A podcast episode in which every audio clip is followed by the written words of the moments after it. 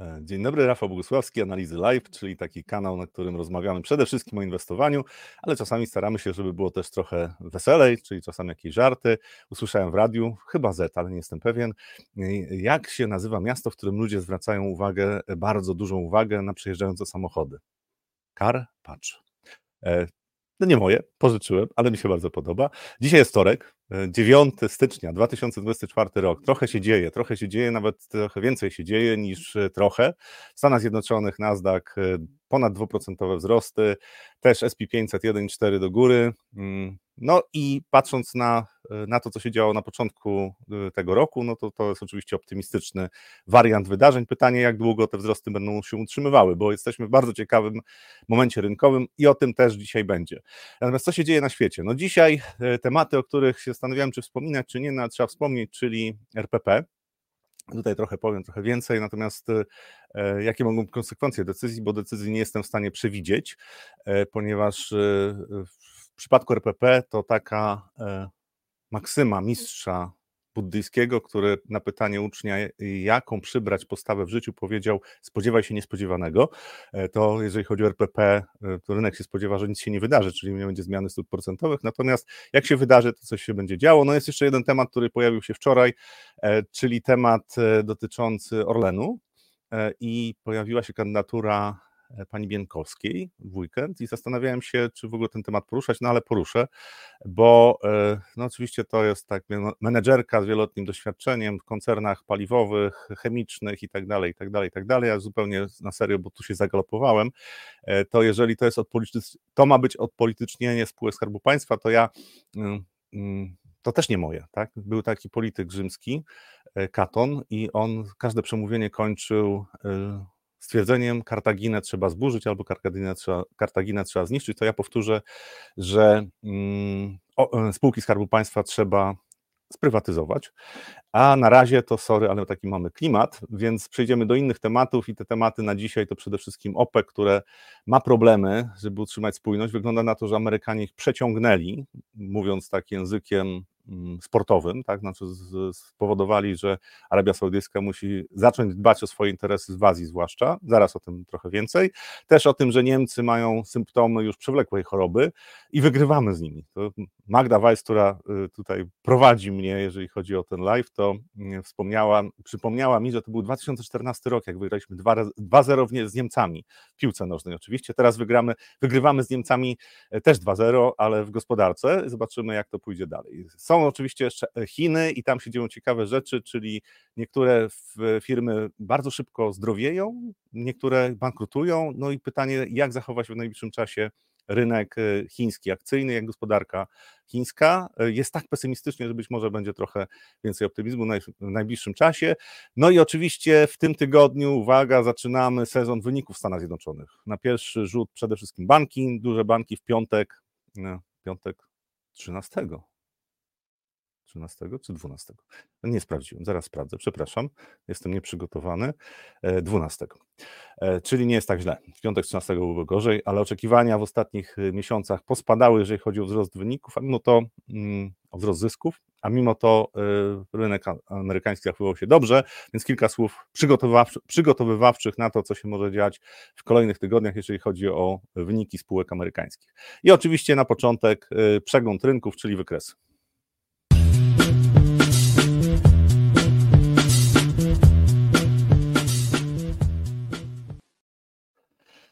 Zaczynam od SP500.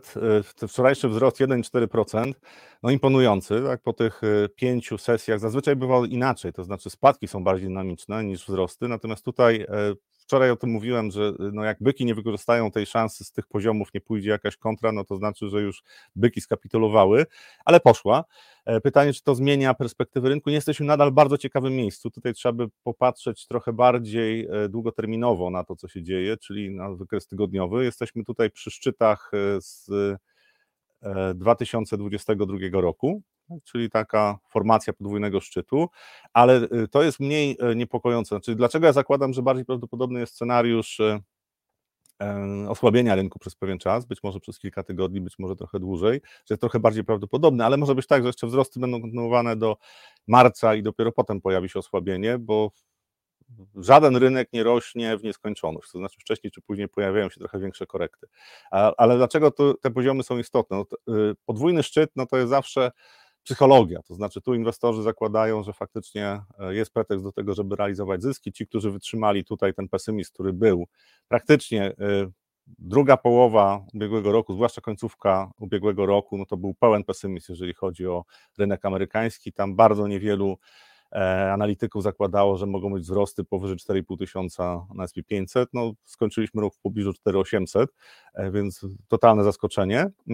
Tu był pełen pesymizm, tutaj się zrobiło bardzo optymistycznie i to mnie trochę niepokoi. Natomiast też jest, e, jak popatrzymy na taki bardziej długoterminowy obraz, to jest pewna tendencja. E, niektórzy mu nazywają to cyklem Kicina, chociaż ja OK, może to być cykl Kicina, taki czteroletni, 3,5 roku mniej więcej cykl, w którym rynki y, notują i wzrosty i spadki. Jeżeli popatrzymy, co się działo w 2016, to mieliśmy jakiś lokalny dołek, w 2020 mieliśmy mm, e, lokalny dołek, teraz mieliśmy tutaj lokalny dołek, no i pytanie, czy ten dołek to już jest ten dołek, który taki, y, ten cykl będzie, zostanie zaspokojony, o tak bym to ujął, bo według mnie nie. To znaczy tutaj rynek powinien się jeszcze trochę cofnąć, to wynika z dostosowywania się gospodarki do, y, do tego, co się dzieje, tak, jeżeli chodzi o politykę monetarną, też jeżeli chodzi o zachowanie konsumentów i tu potrzeba trochę czasu i najczęściej właśnie te E, trzy lata to jest taki czas, po którym następuje jakaś weryfikacja tego, czy się dobrze dzieje w gospodarce, czy nie. No i tutaj jest sporo według mnie mm, powodów do tego, żeby nie być aż tak optymistycznym, jeżeli chodzi o e, wyniki spółek amerykańskich, gospodarkę amerykańską, jak jest rynek. Więc tutaj przydałoby się trochę przestraszyć tych inwestorów i potem dopiero kolejny ruch, kolejny e, atak na szczyty wszechczasów. Ja zakładam, że jeszcze w tym roku 5400 punktów zostanie osiągnięte. Być może jestem trochę nadmiernym optymistą, natomiast no tak zakładam. E, co się dzieje krótkoterminowo? Tutaj też warto spojrzeć na Nasdaqa. Bardzo podobna sytuacja, też bardzo, bardzo silne wzrosty wczoraj, ponad dwuprocentowe. E, po tym pierwszej fali spadkowej, tak, jeżeli rynek chce bardzo szybko wrócić do wzrostów, no to, to spokojnie tutaj może być kontynuacja wzrostów, natomiast ja zakładam, że jeszcze jedna, dwie sesje mogą być wzrostowe, nie muszą. Może być tak, że tutaj już wyczerpali e, cały potencjał e, ci, którzy grają na, na zwyżki. Nie będzie takich, co będą chcieli kupować, ale prawdopodobne jest, że, że mogą być kontynuowane wzrosty. Natomiast najciekawszy będzie przyszły tydzień, tak naprawdę, krótkoterminowo. I oczywiście to jest spojrzenie krótkoterminowe, natomiast według mnie zachowanie rynku, zwłaszcza w przyszłym tygodniu, będzie rzutowało na najbliższe tygodnie, a być może nawet miesiące, e, bo prawdopodobnie też po e, w sezonie wyników spółek amerykańskich będzie trochę rozczarowań, jeżeli, jeżeli chodzi o prognozy przede wszystkim, może nie same wyniki, ale prognozy. Więc te dwa, rynek amerykański, tak, no to jesteśmy w tym tygodniu, w którym też w, w czwartek mamy dane o inflacji, więc tutaj może się być sporo pretekstów do tego, żeby jakieś zaskakujące ruchy się pojawiły. Ja spodziewam się, że tak, będzie, będzie kolejny ruch y, spadkowy w perspektywie następnych dwóch, trzech tygodni. E, jeszcze tylko podkreślę, że nie spodziewam się wielkiej besty, to znaczy nie spodziewam się, żeby rynki mm, akcji w ogóle weszły, zwłaszcza amerykański rynek akcji, żeby wszedł wielką bestę, która zdejmie 50% wartości indeksu. E, ciekawe rzeczy dzieją się w Chinach, to jest Hang Seng, czyli Hongkong. E, i patrząc na to, jak zachowywał się ten indeks w ostatnim czasie, e, tutaj jakie informacje się też pojawiały, to jest w, mm, w weekend bankructwo, czy wniosek o, o bankructwo wypełnił shadow bank, tak? czyli te, te parabanki, które w Chinach są bardzo popularne. E, dlatego wczoraj e, sesja była dość słaba w ogóle na, na, na chińskim rynku. Natomiast e, mm, no, za, dzisiaj zachowanie tego, tego indeksu w ogóle rynku chińskiego nie jest, nie jest rewelacyjne, natomiast nie ma kontynuacji tego spadku. I po tej wyprzedaży, która miała miejsce przez ostatni rok, tutaj był szczyt optymizmu. Tutaj rynek zakładał, że będzie że będzie e, odejście od polityki zero COVID, więc to dyskontował. Tutaj miała się poprawić sytuacja gospodarcza, no i się nie poprawiła. Znaczy nie, nie w takim stopniu, w jakim rynek zakładał. Dlatego cały poprzedni rok był praktycznie stracony dla tego, e, dla tego rynku. No i pytanie, czy teraz nie jesteśmy e, w takim momencie, w którym za chwilę nastąpi zwrot. Tutaj w, w weekend będą wybory prezydenckie na Tajwanie i wydaje mi się, to też trochę obciąża rynki azjatyckie, bo inwestorzy boją się reakcji rządu chińskiego. Na zwycięstwo kandydata, który, który jest zwolennikiem niezależności od Chin. Natomiast ponieważ wszyscy się tego boją, to zakładam, że to zostanie dyskontowane wcześniej i niespecjalnie się wiele wydarzy w przyszłym tygodniu. Co paradoksalnie może dać szansę na wzrosty y, tego, tego rynku. Ja pomijam ryzyka polityczne, bo to, to jest nieprzewidywalne, natomiast patrząc tylko na to, co się dzieje w gospodarce y, chińskiej, jak zachowują się inwestorzy w ostatnim czasie. I co mówią e, chińscy politycy, bo też w weekend przedstawiciel rządu chińskiego powiedział, że no, stymulacja musi być zwiększona, jeżeli chodzi o gospodarkę e, chińską i też e, musi być większe, z większą troską do rynku nieruchomości będą podchodzili. To są warunki do tego, żeby rynek wzrósł na przykład 20% i potem ci, którzy stwierdzą, no tak, najgorsze w Chinach już za nami, będą rozczarowani w dłuższej perspektywie, natomiast krótkoterminowo w perspektywie powiedzmy dwóch miesięcy 20% wzrosty mnie nie zaskoczą.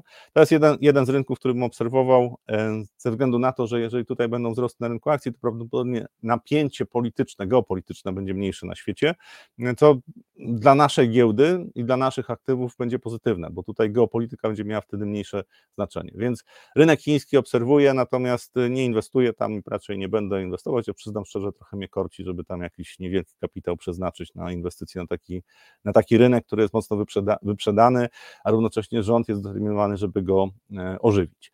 WIG e, wczoraj też e, wzrostowa, e, wzrostowa sesja, jeżeli popatrzymy na zachowanie WIG-u, tutaj mam, a nie mam SWIG-u, mm, jeszcze SWIG warto zobaczyć, tak, tutaj też też, też wzrosty. Korekta była trochę płytsza niż na WIG-u, natomiast od początku roku, natomiast też wzrostowa sesja i znowu też bardzo silny trend wzrostowy na, na SWIG-u. Doszliśmy do poziomów, przy których według mnie pewna dystrybucja krótkoterminowa może się pojawić. No i pytanie, czy będzie w drugiej połowie stycznia, w lutym cofnięcie, jeżeli chodzi o ten indeks. Ja uważam, że hossy nie kończymy, tylko już jesteśmy po, no, po imponujących wzrostach, więc tutaj trzeba też zakładać, że jakieś ruchy korekcyjne, takie mocniejsze mogą się pojawić. I, i ja szczerze mówiąc, jak patrzę na ten indeks, tutaj może przejdę na tygodniowy, na SWIG, e, to e, bardziej byłbym skłonny patrzeć na, e, na ten indeks takiej perspektywy bardziej długoterminowej i jak popatrzymy, to wynika też z tego, co się dzieje w gospodarce, że gospodarka się rozwija i te mniejsze spółki też na tym zyskują. I jeżeli popatrzymy, może on nie powinien być tak narysowany, trochę powinien być bardziej mm, pod wyższym kątem, tak, ale tak czy inaczej, e, mamy trend wzrostowy, to wynika z tego, że wyniki spółek się poprawiają, gospodarka się rozwija, natomiast e, dla długoterminowych inwestorów zdecydowanie lepiej jest kupować, kiedy jesteśmy e, odchyleni tak, w dół, to znaczy nie jesteśmy przy górnych ograniczeniach. Oczywiście można zakładać optymistycznie, że tutaj będzie tak dobrze polskiej gospodarce, że e, będą dalsze wzrosty, natomiast e, no to, to, to trzeba mieć silne przekonanie, że tutaj nic złego się nie wydarzy też na świecie, bo to nie tylko kwestia polskiej gospodarki, ale jak będzie risk off, to my też się przecenimy. Wracając do WIG-u, sytuacja też jest podobna, to znaczy też tutaj ten trend wzrostowy, tutaj może tylko to górne ograniczenie narysuje, to jest taki język analityków technicznych, natomiast to ma odzwierciedlenie też w zyskach spółek, przy wpływie kapitału. Jeżeli popatrzymy, co się działo tak, od tych szczytów z 2011 roku, no to rynek, no właśnie się WIG zbliżył do tego, do tych, do takiego ograniczenia, które wynika, e, w dużym stopniu wynika z tego, co spółki pokazują, co prezentują. Tutaj były oczekiwania na to, że mm, na przykład spółka Skarbu Państwa będzie lepsza sytuacja, jeżeli chodzi o tak zwane corporate governance, czyli zarządzanie e, zasadami, tak, compliance'owymi, czy w ogóle traktowanie inwestorów mniejszościowych, czy w ogóle spółek, no ale e, ten Orlen zaczyna mnie niepokoić, znaczy niepokoić. No moje oczekiwania wobec polityków są naprawdę dolne strefy stanów niskich, jeżeli chodzi o to, że e, politycy mogą zrobić coś sensownego. Natomiast no, taka informacja, jak w przypadku Orlenu, no, wskazuje, że odpolitycznienie spółek może nie nastąpić w takim stopniu, w jakim e, byśmy chcieli. A, y, a indeks jest przy górnym ograniczeniu tego tak, trendu wzrostowego, tego ograniczenia, które, które tutaj wskazywało, że jak już za dużo urośliśmy, to była później korekta w dół. Ja zakładam, że wcześniej czy później pokonamy ten, e, ten, ten, e, tą linię trendu, znaczy polska gospodarka będzie dość szybko rosła, według mnie w perspektywie dwóch, trzech lat. Natomiast na razie no, to jest psychologia, też warunki fundamentalne, trochę te Niemcy, o których, o których za chwilę powiem więcej, też e, niepokoją mnie odrobinę, jeżeli chodzi o perspektywy polskiej gospodarki.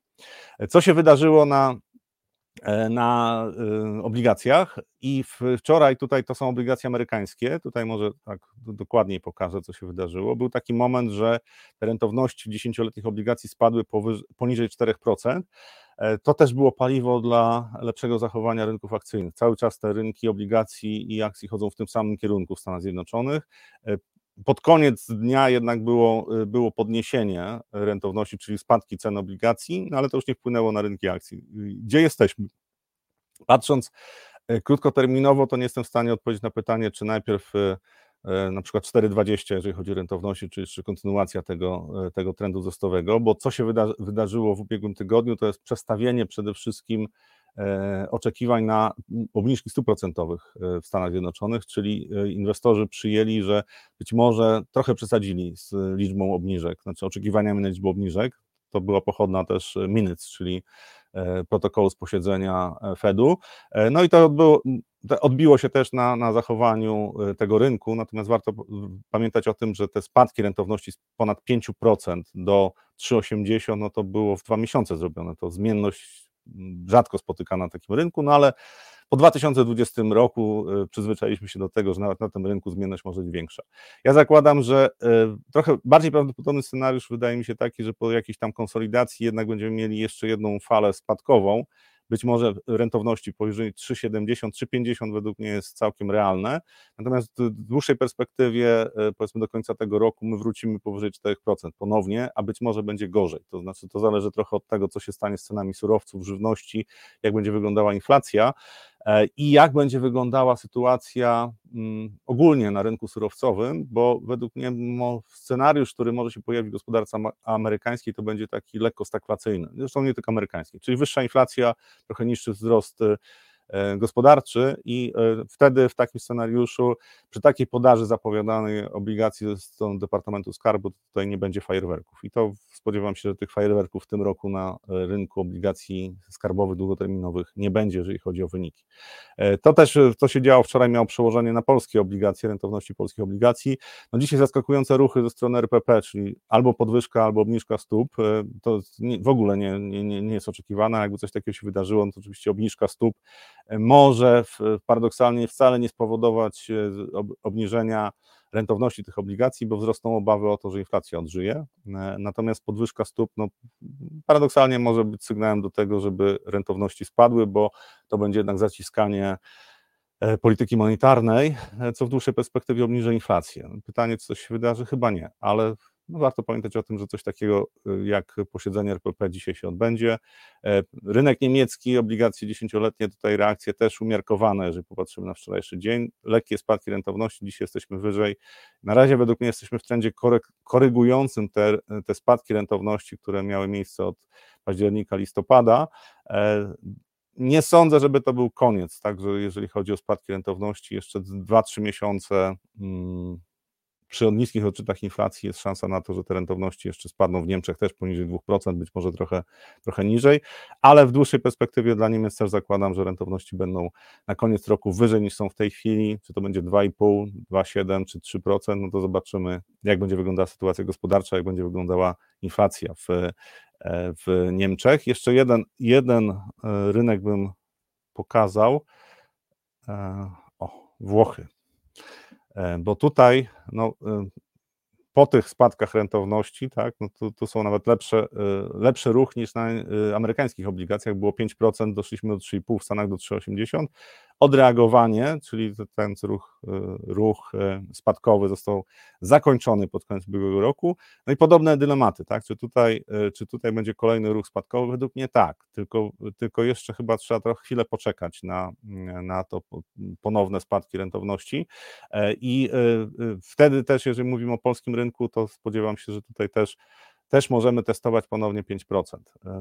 Będą w najbliższym czasie dane za styczeń, za lutym, czy w najbliższym czasie, w najbliższych miesiącach dane o inflacji i rok do roku ta inflacja będzie niska, więc rynki powinny się cieszyć.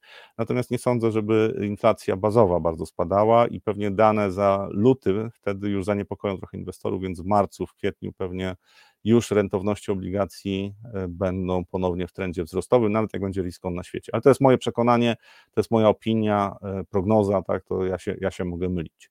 E, co się dzieje na walutach? I tutaj jest frank złoty. Zwróćmy uwagę na to, że frank zyskuje do złotego, nawet pomimo tego, że złoty jest silny i do dolara, i do euro w ostatnim czasie. To pokazuje oczywiście, że frank jest bardzo silną walutą. Dlaczego jest silną walutą? No jednak popyt na bezpieczne aktywa, a szwajcarska waluta jest traktowana w ten sposób, jest dość wysoki, to według mnie też jest pewien taki sygnał ostrzegawczy, żeby nie patrzeć na gospodarkę światową czy na rynki y, światowe jako na e, tak e, zupełnie spokojne, bezpieczne i tu w ogóle tylko ryzyko w najbliższym czasie. Jednak popyt na, na franka szwajcarskiego to jest coś, co e, w mojej ocenie jest sygnałem, że część inwestorów jednak zabezpiecza się, bo ta waluta jest i będzie jeszcze przez parę lat przynajmniej traktowana. Co będzie dalej, nie wiem, jako safe haven, więc tutaj to umocnienie, to umocnienie franka, bo jeżeli popatrzymy na CHF, E, no to oczywiście tutaj e, tak podana, zapisana para walutowa, to jeżeli y, y, kurs y, spada, to znaczy, że e, euro jest coraz tańsze, więc to jest też umocnienie franka. No i widać, że tutaj ten trend na, na franku jest silny. Według mnie to jest jeden z argumentów dla tych, którzy spodziewają się, że w tym roku będzie jednak sporo takich niepokojących wydarzeń w gospodarce światowej, które w tej chwili nie są brane pod uwagę, bo jest pełen optymizm. Kolejna para walutowa, którą obserwuję, to jest E, funt brytyjski e, i funt brytyjski to jest też trend, trend y, wzrostowy od listopada. To jest też waluta, która dość często, jak jest risk on, to do dolara e, zyskuje. Jesteśmy na, okolicach poziomów 1,27. I teraz pytanie dla mnie jest najbardziej istotne, może lepiej widać to na tygodniowym wykresie. E, czy ten potencjał tak, wyczerpuje się, bo tutaj jak popatrzymy na tygodniowe wzrosty, to one są coraz słabsze i tu widać, że już rynek nie ma siły, żeby e, wędrować dalej w górę, ale to może być złudzenie, bo tutaj jest drugi dzień tego tygodnia, tak? Poprzedni tydzień był taki większa, większa zmienność, natomiast wróciliśmy do tych poziomów 1,27 i pytanie, czy będzie stać rynek na kolejny ruch wzrostowy? Czy to jest takie y, przyczajenie się przed kolejnym ruchem wzrostowym, bo trend wzrostowy tutaj został zapoczątkowany jakiś średnioterminowy. Czemu to jest istotne?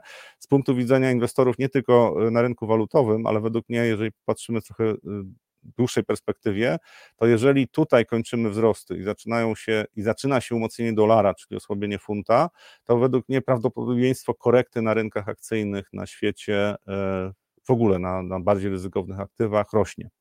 E, to jest jedna z par walutowych, która według mnie w tym układzie rynkowym będzie wskazywała, że e, niedźwiedzie na rynkach światowych, jeżeli chodzi o bardziej ryzykowne aktywa, przede wszystkim rynki akcji, mogą zyskać przewagę. Bardzo wąska konsolidacja w ostatnich tygodniach, tak? I tutaj wybicie w dół z, tego, z tej konsolidacji według mnie będzie sygnałem, że zmienił się trend przynajmniej na kilka tygodni, kilka miesięcy, to by sprzyjało korekcie rynkach światowych. Jest możliwy scenariusz ponownego ataku 1,30, e, czyli umocnienie funta. No i to by wtedy negowało ten scenariusz, o którym mówię, w dużym stopniu by negowało tej korekty na rynkach światowych akcyjnych, e, bo to oznaczało, że risk on ma się dobrze i, i, dalej rośniemy. I teraz dolar. Dolar, bo w ogóle temat tak, kurs na dolara, bardzo dużo opinii, bardzo dużo prognoz dotyczących dolara. Większość wycofywała się dużych domów inwestycyjnych czy liczących, analityków, liczących się analityków z tych nielicznych prognoz umocnienia dolara w tym roku.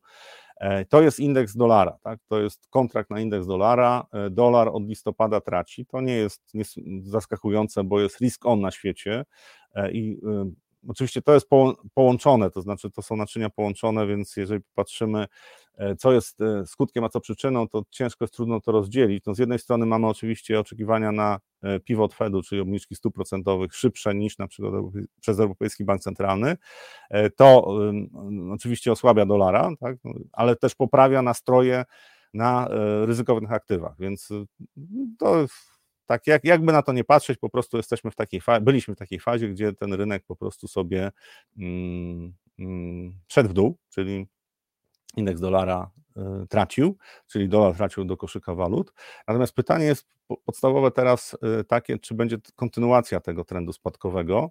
I to jest taki przystanek i tutaj mamy zejście poniżej 100 punktów w najbliższym czasie, taki silny, silna strefa wsparcia jest pomiędzy 99,7 a 100,5. I pytanie, czy będziemy to testowali i czy być może nawet będzie kolejny ruch w, w, dół silniejszy. Bo według mnie, jeżeli w najbliższym czasie okaże się, że tutaj powiedzmy potrwa jeszcze konsolidacja, czy nawet jakieś spadki lekkie, jeżeli chodzi o dolara, ale następny ruch będzie wzrostowy, to znowu jest to scenariusz, który będzie sprzyjał, scena, e, ten scenariusz będzie sprzyjał e, risk off na świecie, przynajmniej czasowemu, powiedzmy półtora miesiąca gorszej koniunktury na świecie. Czy tak będzie? Nie wiem, obserwuję ten rynek.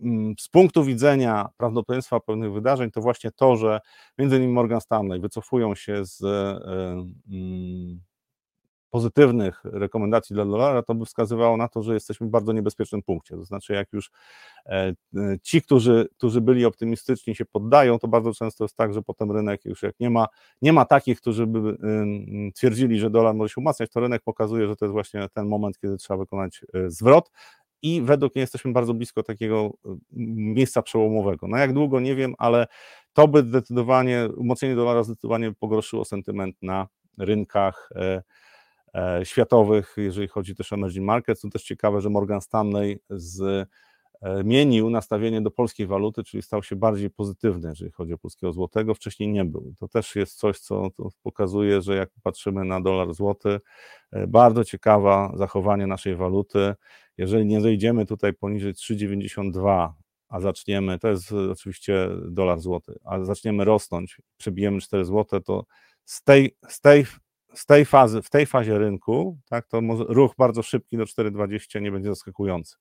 E, to by zwiększyło prawdopodobieństwo znowu, tak, że e, też na WIG-u 20 mamy pogłębienie korekty e, i no i warto obserwować rynek walutowy. Ja bardziej obserwuję właśnie przez pryzmat tego, jak to wpływa na, e, na inne rynki, między, przede wszystkim na rynki akcji. Natomiast e, e, kluczowe tutaj według mnie jest poziom 3,92, być może 3,90, ale to już będzie chyba za nisko. 3,92 jak utrzymamy, albo jakbyśmy zaczęli rosnąć już na przykład w najbliższych dniach, no to no, szanse na ruch w górę dolara są dość duże. Jest jeszcze jeden rynek, o którym teraz powiem, jeżeli pokażę wykres, ale tutaj jest y, kwestia oczywiście tego, co robi Arabia Saudyjska. To jest ropa naftowa. Wczoraj te spadki, y, y, to jest teksańska ropa naftowa, kontrakty na teksańską ropę. Te spadki były pochodną tego, co, zrobił, co zrobiła Arabia Saudyjska. Ona obniżyła ceny na azjatycką ropę light, tak zwaną, czyli bonus będzie tam 1,5 do 2 dolarów. I to jest odejście od polityki, którą prowadzili wcześniej. Przyczyny tego są Y, całkiem sensowne. Wygląda na to, że Amerykanie wygrywają y, dzięki łupkom, wygrywają to starcie na obniżenie ceny ropy naftowej, tylko że nie wchodzi, nie, tutaj mniej mówię o tym e, w kontekście tego, że tutaj dalsze spadki cen ropy są bardzo prawdopodobne, tylko e, że e, zmieni się w najbliższym czasie chyba układ sił, znaczy już się zmienił, ale że kraje OPEC przestaną być jednomyślne. To widać na razie na wykresie, tak, jesteśmy na tych poziomach trochę powyżej 70 dolarów, taki poziom bardzo istotny, który zakładam mimo wszystko, że nie zostanie pokonany w najbliższym czasie, to jest między 66-67 dolarów. To są takie, takie poziomy, przy których tutaj popyt powinien się pojawiać. Natomiast reakcja rynku wczorajsza spadkowa jest y, ciekawa, ale jeszcze ciekawsza jest dzisiejsza, bo dzisiaj nie ma kontynuacji spadku, przynajmniej na razie.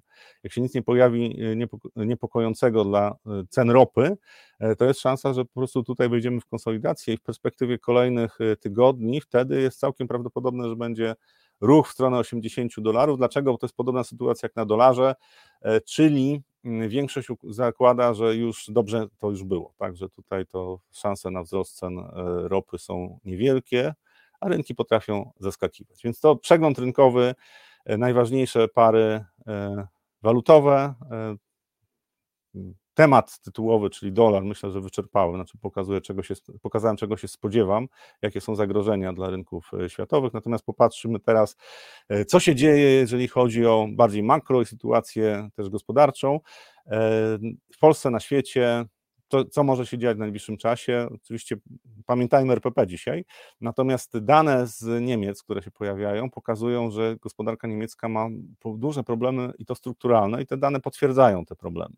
Ignacy Morawski będzie, będzie dyskutował w czwartek, e, e, tutaj podcast będzie prowadził, tak, to, to na e, pulsie biznesu. Natomiast to warto, warto słuchać człowieka, bo sensownie mówi, natomiast to, co zapowiada i co pokazuje, to ja bym się do tego odniósł właśnie w kontekście sytuacji w Polsce i mm, w Niemczech i jakie są różnice. To są obroty w handlu detalicznym, tak, styczeń 2015 jest jako podstawa, jako stała wartość, tak, 2015, E, i w cenach stałych, czyli bez uwzględnienia inflacji. I my jesteśmy w dynamicznym trendzie wzrostowym. To, to, też pokazuje, jaka jest przewaga tempa wzrostu polskiej gospodarki, bo polska gospodarka jest oparta na konsumpcji, handel detaliczny to jest w dużym stopniu konsumpcja. I jeszcze ciekawsze jest to, oczywiście tak, mamy silniejszy wzrost, mieliśmy, ale jeszcze ciekawsze jest to, co się dzieje w ostatnim czasie, to znaczy e, obroty w handlu detalicznym w Polsce już rosną, natomiast obroty w handlu detalicznym w Niemczech nie rosną, co oznacza, że wzrosty wynagrodzeń, to czego się spodziewałem i co się dzieje w tej chwili w Polsce, e, e, już zasypały tą dziurę, która pojawiła się, o tutaj się pojawiła, tak, kiedy inflacja się rozpędzała, i, i e, dochody realne ludności spadały, no po prostu to zostało zasypane i w tej chwili jest lepiej. Natomiast w Niemczech pomimo tego, że wynagrodzenia rosną, inflacja jest też już nawet nieco niższa niż e, wzrost wynagrodzeń, to w ogóle się to nie przekłada na konsumpcję. To jest według mnie objaw poważniejszej choroby, jeżeli chodzi o gospodarkę niemiecką i zaskakujące z tej perspektywy jest zachowanie DAX-a, to znaczy DAX powinien e, dyskontować to, że jednak ta gospodarka niemiecka będzie zachowywała się słabo, ale zachowuje się tak, jak się zachowuje. E, I to też można łatwo wyjaśnić, e, e, po fakcie oczywiście, że to jest kwestia przepływu kapitałów. No po prostu jest risko na świecie, niemieckie akcje były taniej wycenione niż amerykańskie, kupujemy. Natomiast jeżeli taka sytuacja się utrzyma i tutaj nie będzie zmiany tendencji, czyli gospodarka niemiecka, już są prognozy, które pokazują, że po tych danych, które, które się pojawiają z, z przemysłu niemieckiego, tak zamówienia wzrosły tylko 0,3%, a miało być 1,1%. To są ostatnie dane z wczoraj. Co prawda eksport zachował się trochę lepiej, ale e, cały obraz gospodarki niemieckiej wygląda słabo. I tutaj e, jest też e, Instytut Fear, Macroeconomy and Conjuncture Forschung, prognozuje, że będzie kolejny rok, ten rok będzie kolejnym rokiem lekkiej recesji w, w Niemczech. I według mnie rynki się mylą, to znaczy patrząc przez pryzmat DAX-a te optymistyczne wzrosty są zdecydowanie na wyrost. Znaczy ta gospodarka będzie miała duże problemy. Czasami bezwładność pomiędzy tym, co się dzieje w gospodarce, a zachowaniem rynku jest bardzo duża, sięgająca wielu, wielu miesięcy. Czasami to jest przesunięcie nawet o rok.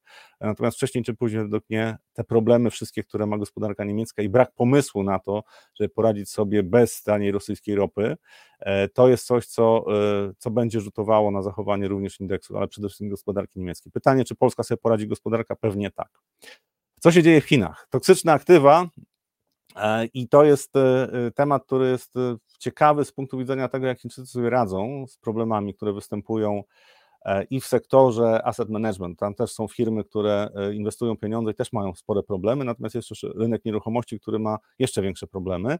Jest, są shadow banks, czyli te banki, parabanki, które też mają poważne problemy. I tutaj rynki się ucieszyły wczoraj, bo E, bo e, taka firma e, Goho, chyba to się tak czyta, nie wiem, Asset Management, miała problemy, potrzebowała tam 700 milionów dolarów, potrzebowała tak zasilenia, jeżeli chodzi o gotówkę, no i w magiczny sposób wsparciem lokalnego lokalnych agent rządowych im się udało te problemy rozwiązać. I zwróćmy uwagę na to, bo to jest oczywiście pozytywna informacja, zwróćmy uwagę, że tu chodziło powiedzmy o te kilkaset milionów dolarów, natomiast jest też ten parabank Zongzi, e, który potrzebował 36 e, miliardów e, dolarów, no to już jest problem, bo tych pieniędzy nie znalazł. I w weekend pojawiło się wniosek o bankructwo i dlatego wczoraj rynki chińskie akcyjne spadały, bo to jest coś, na co bym zwracał uwagę, że takich firm jest dużo, to znaczy skala tych problemów, jeżeli chodzi o Chiny,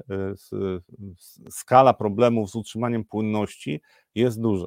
Pytanie, czy rząd chiński będzie zdeterminowany, żeby ratować e, wszystkie firmy? Według mnie nie. I tutaj e, ten mój scenariusz pozytywny na najbliższe miesiące, dwa, trzy, czyli odbicie na rynkach akcyjnych, jest obciążony tym ryzykiem, że pojawi się jakiś duży problem dużego gracza, którego w tej chwili nie jestem w stanie namierzyć. No, rynek chiński jest e, daleko, gospodarka chińska jest jeszcze dalej, a rząd chiński robi wszystko, żeby te informacje nie wypływały, więc analizowanie tego rynku to no, przekonałem się, że to bardzo bolesne e, i mało efektywne, natomiast te ryzyka istnieją, więc warto o tym pamiętać, że tutaj mogą się pojawić kolejne informacje też dotyczące parabanków, ale też przede wszystkim e, rynku nieruchomości. Kolejny temat, czyli ropa naftowa, tu zacząłem o tym mówić. Co się dzieje? No, y, obniżenie y, ceny Asian, Asian Light, tak, ta ropa, którą Arabia Saudyjska dostarcza przede wszystkim na rynki azjatyckie, ale też na całym świecie, obniżenie o 1,5-2 dolarów w stosunku do benchmarku, e, to oznacza, że e, Arabia Saudyjska chce pozyskać e, większy wolumen sprzedaży. I można już zapomnieć w tej chwili o kolejnych obniżkach, cięciach wydobycia, bo to się nie uda. Znaczy już pomijam to, że Angola wyszła w ogóle z OPEC i nie chce tam być, ze względu na to, że Arabia Saudyjska wymuszała na mniejszych krajach pewne działania, ale to pokazuje, te działania Arabii Saudyjskiej, że oni skapitulowali. To znaczy, ważniejsze dla nich będzie utrzymanie poziomu sprzedaży dla przede wszystkim kluczowych kontrahentów niż e, podwyższanie ceny ropy naftowej.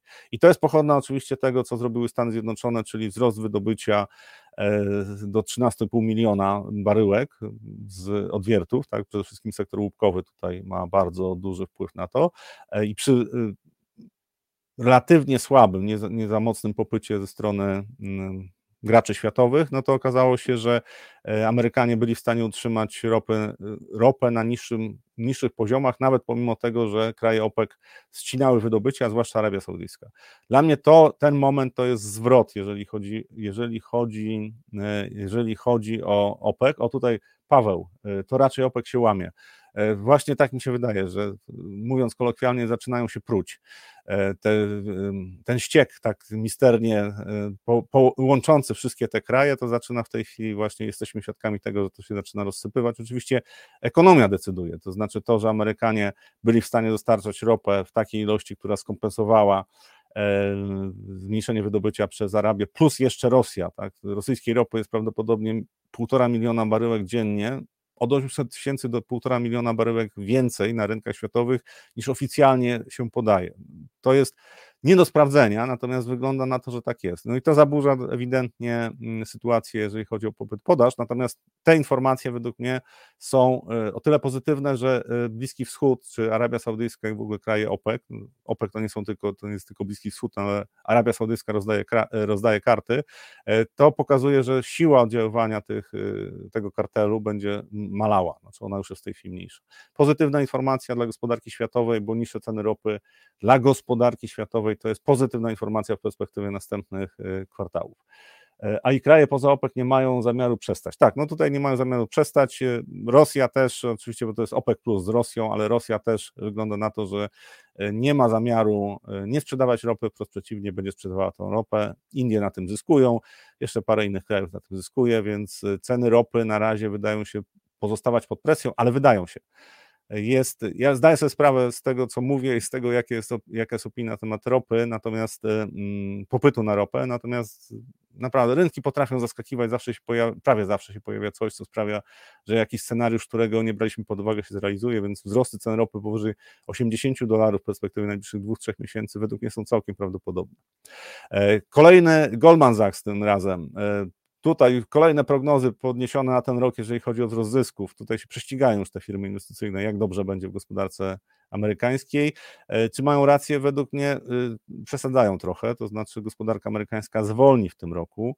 E, pytanie, jakie będzie te, e, tempo wzrostu inflacji, bo to oczywiście te wyniki spółek też kwestie poziomu inflacji, czyli nominalne wyniki mają znaczenie. Natomiast zwróćmy uwagę na to, że jesteśmy, jesteśmy już tuż przed rozpoczęciem sezonu wyników, więc w tej chwili prognozy wzrostu wyniku mm, dla spółek z SP 500 to jest 1,3% rok do roku. Tak tutaj, o, 1,3%.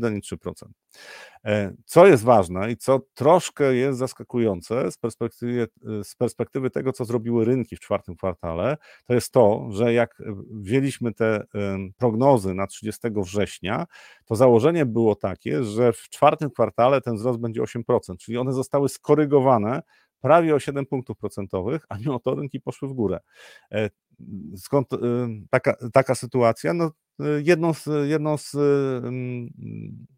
rzeczy, która wspiera rynek w, ten, w, w, takim zachowaniu, jest to, że powszechna mądrość mówi, że Fed zacieśnił politykę, e, a quantitative tightening, czyli wyprzedaż portfela obligacji, zmniejszyła płynność w sektorze finansowym, a Fed nie zmniejszył płynności w sektorze finansowym. Znaczy stopy procentowe podniósł, ale e, działania pozostałe Fedu, między innymi operacje reverse repo, które maleją, ale również wszystkie te programy, które jeszcze po pierwsze zostały uruchomione w marcu dodatkowe pieniądze dla sektora bankowego, dla banków regionalnych, plus jeszcze te programy, które działały y, i działają nadal, te programy po-covidowe, które y, one są, są ograniczone, ale nie, niewystarczająco ograniczone w porównaniu z e, potrzebami, jeżeli faktycznie chcemy y, zatrzymać gospodarkę i chcemy spowodować, że mm, inflacja spadnie gwałtownie ze względu na to, że gospodarka wyhamuje, e, to nie. Fed w ubiegłym roku cały czas utrzymywał płynność na wysokim poziomie. Co ciekawe, od października ta płynność zaczęła rosnąć, to znaczy y, był dodatkowy zastrzyk y, gotówki do sektora finansowego i według mnie to też jeden z powodów, dla których y, rynki zachowują się dobrze. Co będzie w tym roku? Prawdopodobnie będzie jednak pewne zacieśnienie polityki fiskal, monetarnej i ta płynność się zmniejszy.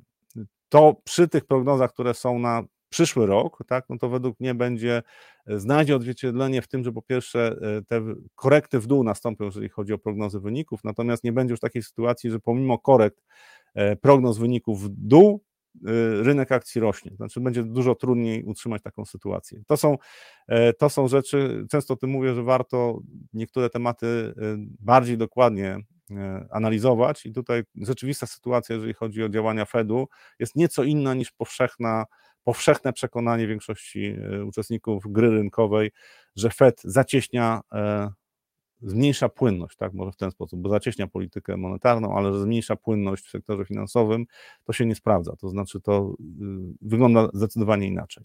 Jak będą wyglądały y, wyniki w, w najbliższym czasie, jeżeli chodzi o spółki amerykańskie? Wygląda na to, że rynek oczekuje, że przede wszystkim sektor bankowy będzie zachował się słabo, ale tutaj będzie, będzie dużo czasu, żeby o tym porozmawiać. Znaczy, sektor bankowy nie zachował się słabo, jeżeli chodzi o wyniki. Znaczy to będzie sektor, który będzie miał spadek wyników rok e, do roku EPS-ów.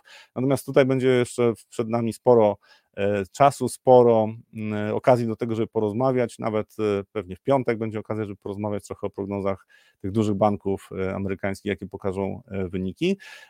A na dzisiaj to myślę, że to już wszystko. Zapraszam na kolejne live'y. Proszę obserwować powiadomienia.